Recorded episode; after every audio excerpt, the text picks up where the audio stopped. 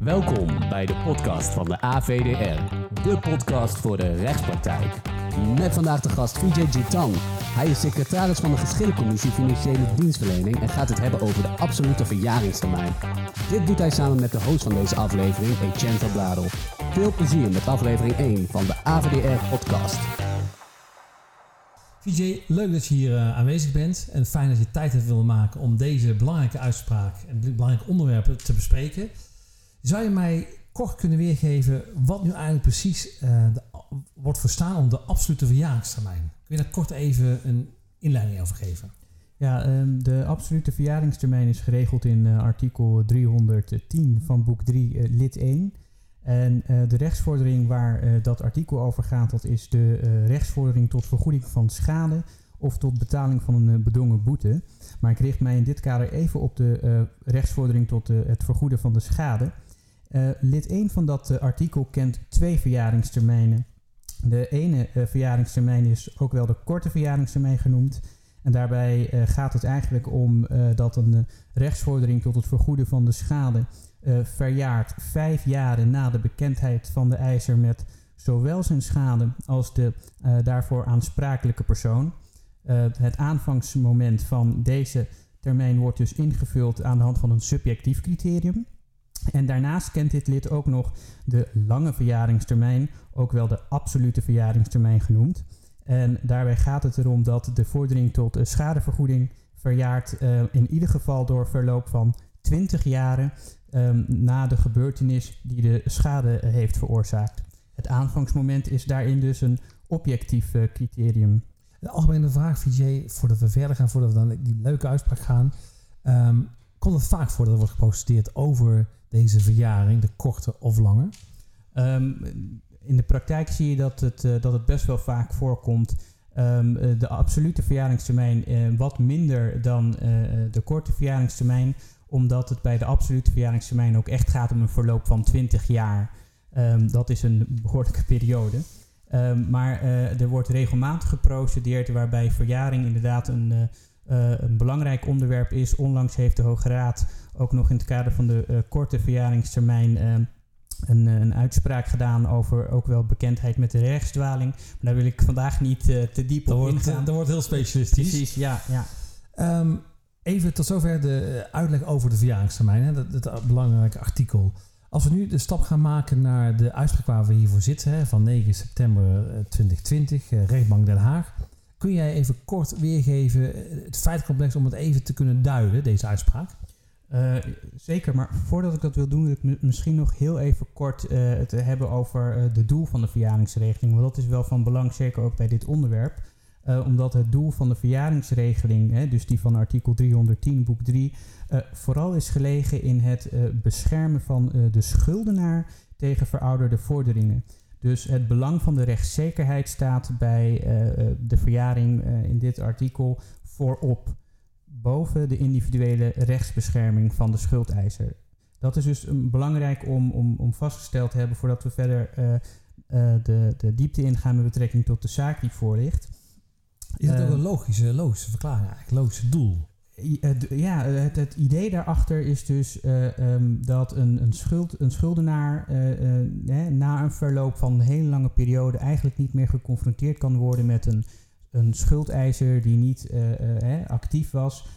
omdat een, een schuldenaar op een gegeven moment ook op mag vertrouwen dat de schuldeiser, ja, dat hij niet meer zal worden aangesproken door de schuldeiser zijn vermogenspositie zal dan uh, door verloop van tijd ook steeds minder zijn ingesteld op het nakomen van die verbintenis, uh, waar de schuldeiser meent recht op te hebben. Dus het is daarnaast ook nog van belang voor het handelsverkeer um, dat, dat, dat een, schuldenaar op een gegeven moment bevrijd moet kunnen zijn van eventuele claims of aanspraken van een schuldeiser die niet tijdig kenbaar zijn gemaakt bij een schuldenaar. Een schuldenaar kan namelijk ook door het, ver, door de, door het verloop van een uh, periode in een bewijsprobleem uh, uh, verraken. Het is ook heel erg lastig om, heel, om terug in de tijd te gaan om vast te stellen wat was nou precies de omvang van die vordering. Waar wordt nou precies over, over geklaagd? Dus dat zijn ook allerlei aspecten die meewegen in het beginsel van de rechtszekerheid. Dat is eigenlijk gewoon een logisch doel. Eigenlijk voor de rechtszekerheid dat we verder moeten. Zeker. eh, waar, je, waar je naartoe wil eigenlijk. En niet elke keer terug moet kijken wat gaat er komen. Ik heb je even onderbroken, eh, Vijay. Ehm, de eh, uitspraak, eh, 9 september. De- Kun je, kun je zou je hem even kunnen plaatsen en kunnen duiden? Ja, eh, de uitspraak ehm, waar, waar, waar het om gaat is het volgende. Het gaat over een illegale adoptiezaak. Ehm, waarbij eh, de ICRS in 1992 is geboren in Sri Lanka. Kort daarna is geadopteerd door haar Nederlandse adoptieouders. En zij is sinds 2009 eigenlijk op zoek naar haar biologische ouders. Helaas zonder resultaat. Na een televisieuitzending in 2017 van het programma Zembla zijn eh, misstanden bij eh, adoptie in Sri Lanka aan de orde gesteld. En na aanleiding van die eh, eh, uitzending heeft zij eh, de staat en een stichting die destijds heeft bemiddeld bij haar adoptie aansprakelijk gesteld. Want zij vordert materiële en immateriële schade omdat zij meent dat zij door toedoen en nalaten van de staat en de stichting het slachtoffer is geworden van illegale adoptiepraktijken. Ehm, en dat haar adoptie onder dubieuze omstandigheden tot stand is gekomen. Nou, wat in deze zaak vaststaat, is dat de vordering van eh ICRS in ieder geval in 2012 is verjaard vanwege het verstrijken van de absolute verjaringstermijn. Eh ICRS stelt zich vervolgens op het standpunt dat eh, het beroep van de staat en de stichting op de absolute verjaringstermijn naar maatstaven van redelijkheid en billijkheid onaanvaardbaar is.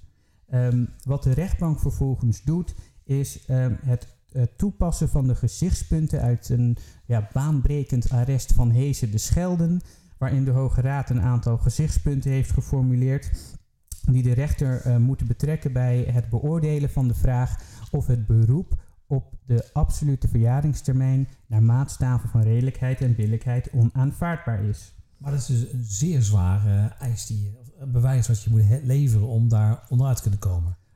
Zeker, het is behoorlijk moeilijk om deze absolute verjaringstermijn eh, buiten toepassing te laten. Het komt ook slechts in zeer uitzonderlijke situaties voor dat deze termijn buiten toepassing eh, wordt eh, gelaten.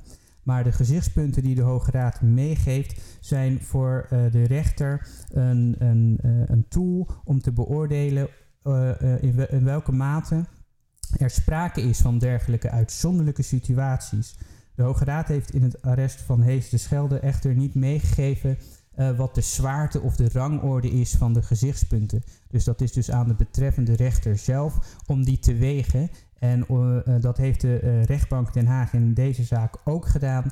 En die komt na weging van deze gezichtspunten tot de conclusie dat er, hoewel zij begrijpen dat de situatie voor de ICRS behoorlijk ingrijpend is, onvoldoende eh, eh, is om eh, de absolute verjaringstermijn buiten toepassing te laten langs de weg van de derogerende werking van de redelijkheid en billijkheid.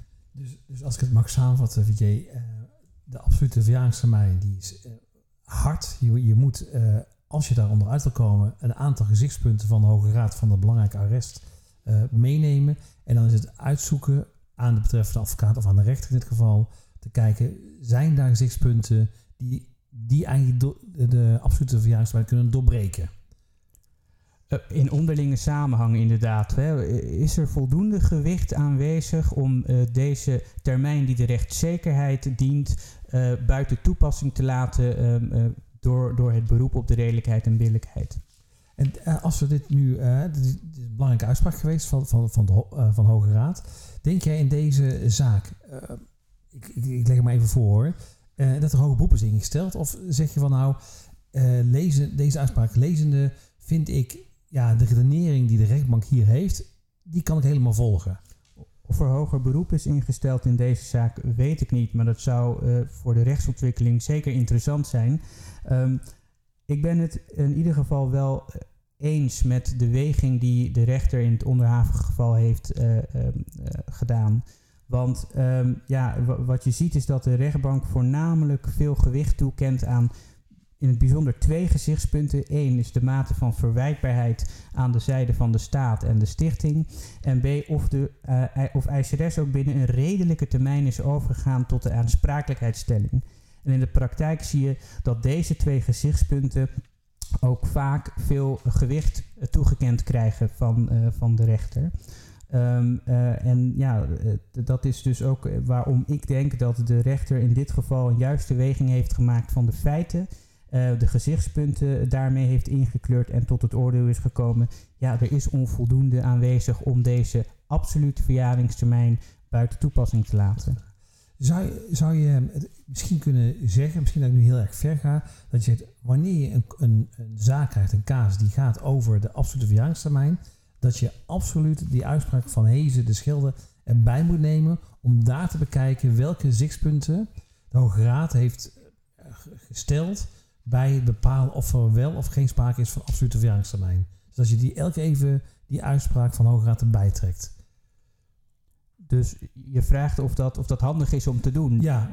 Zeker. Ik zou zeker eh, op het moment dat dit, eh, deze rechtsvraag aan de orde is, namelijk wil je bewerkstelligen dat de absolute verjaringstermijn buiten toepassing wordt gelaten met een beroep op de redelijkheid en billijkheid, dat je in ieder geval de uh, gezichtspunten uh, van, uh, het arrest, uh, van het, vanuit het arrest van Hezen de Schelde betrekt bij, bij je stelling dat het beroep naar maatstaf van redelijkheid en billijkheid onaanvaardbaar is.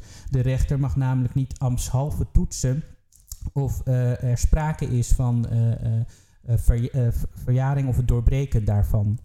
Is het mogelijk om kort weer te geven één of twee uitzonderingssituaties die de Hoge Raad heeft aangekaart in zijn uitspraak?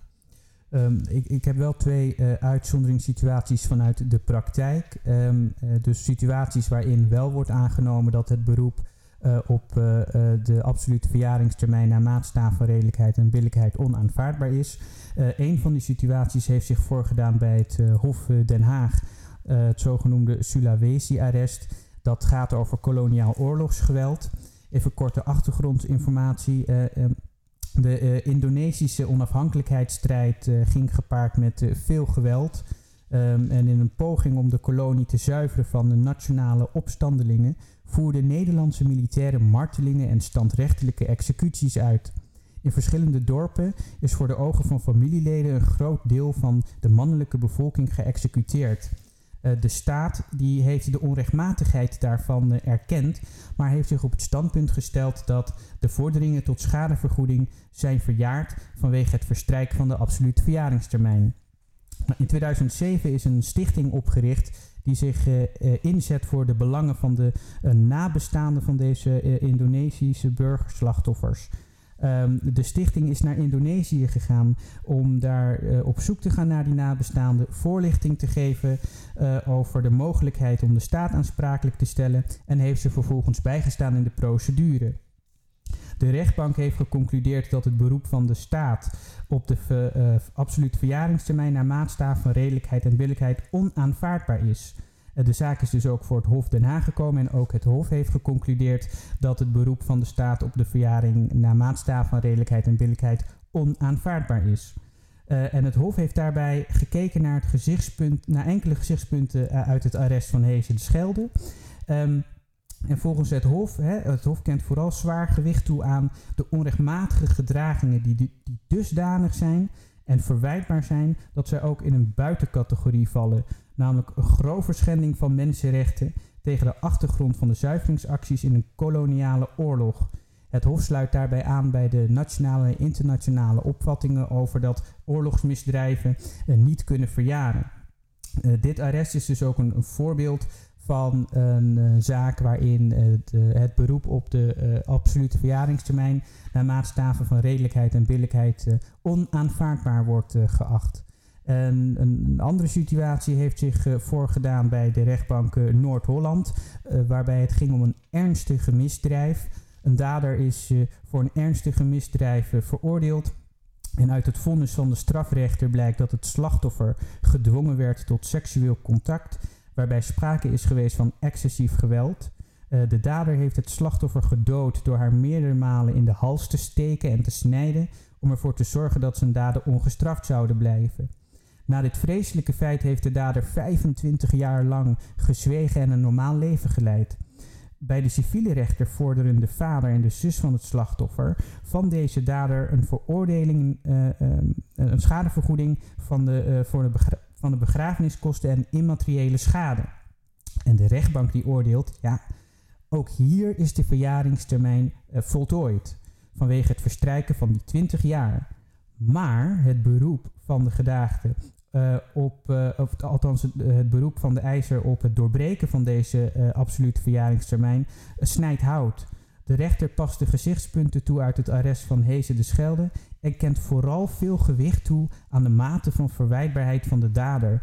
Er is hier sprake van een ernstige misdrijf. Um, dit is ook een van de uitzonderingssituaties waarbij wel is aangenomen dat het beroep uh, op uh, de absolute verjaringstermijn naar maatstaven van redelijkheid en billijkheid onaanvaardbaar is. Het is dus niet onmogelijk, maar er gelden dus wel strenge eisen voor en het moet ook echt gaan om uitzonderlijke situaties. Vijay, um, je hebt nu aangegeven die 1, 2 gezichtspunten, uitgangspunten.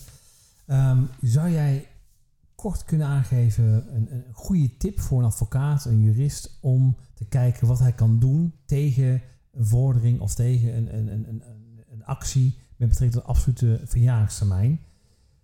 Wat ik als tip zou willen meegeven is inderdaad te beseffen dat uh, hè, welke beginselen ge, uh, gediend zijn bij deze absolute verjaringstermijn. En voornamelijk ook om goed in te schatten hoeveel kans je maakt, of hoe kansrijk de stelling eigenlijk is dat het uh, uh, beroep op deze verjaringstermijn in de, in de uh, gegeven omstandigheden naar maatstaf van redelijkheid en billijkheid onaanvaardbaar is. Dat is een zware toets. En ehm, de, de, tip is dus ook om die omstandigheden naar voren te brengen, die feiten naar voren te brengen. Uh, en de gezichtspunten vanuit het arrest uh, van Hezen de Schelde op die manier in te vullen, dat daarmee dus ook de conclusie dat het beroep op de absolute verjaringstermijn naar maatstaven van redelijkheid en billijkheid onaanvaardbaar is, goed wordt onderbouwd. Want het is die onderbouwing waar het om gaat. Dat is een belangrijk gegeven. VJ, mag ik jou bedanken voor die heldere uiteenzetting over ja, de absolute verjaringstermijn. Bedankt voor het luisteren naar deze aflevering van de AVDR-podcast. Check de website www.avdr.nl voor meer unieke content voor de rechtspraktijk. Nogmaals bedankt en tot de volgende aflevering.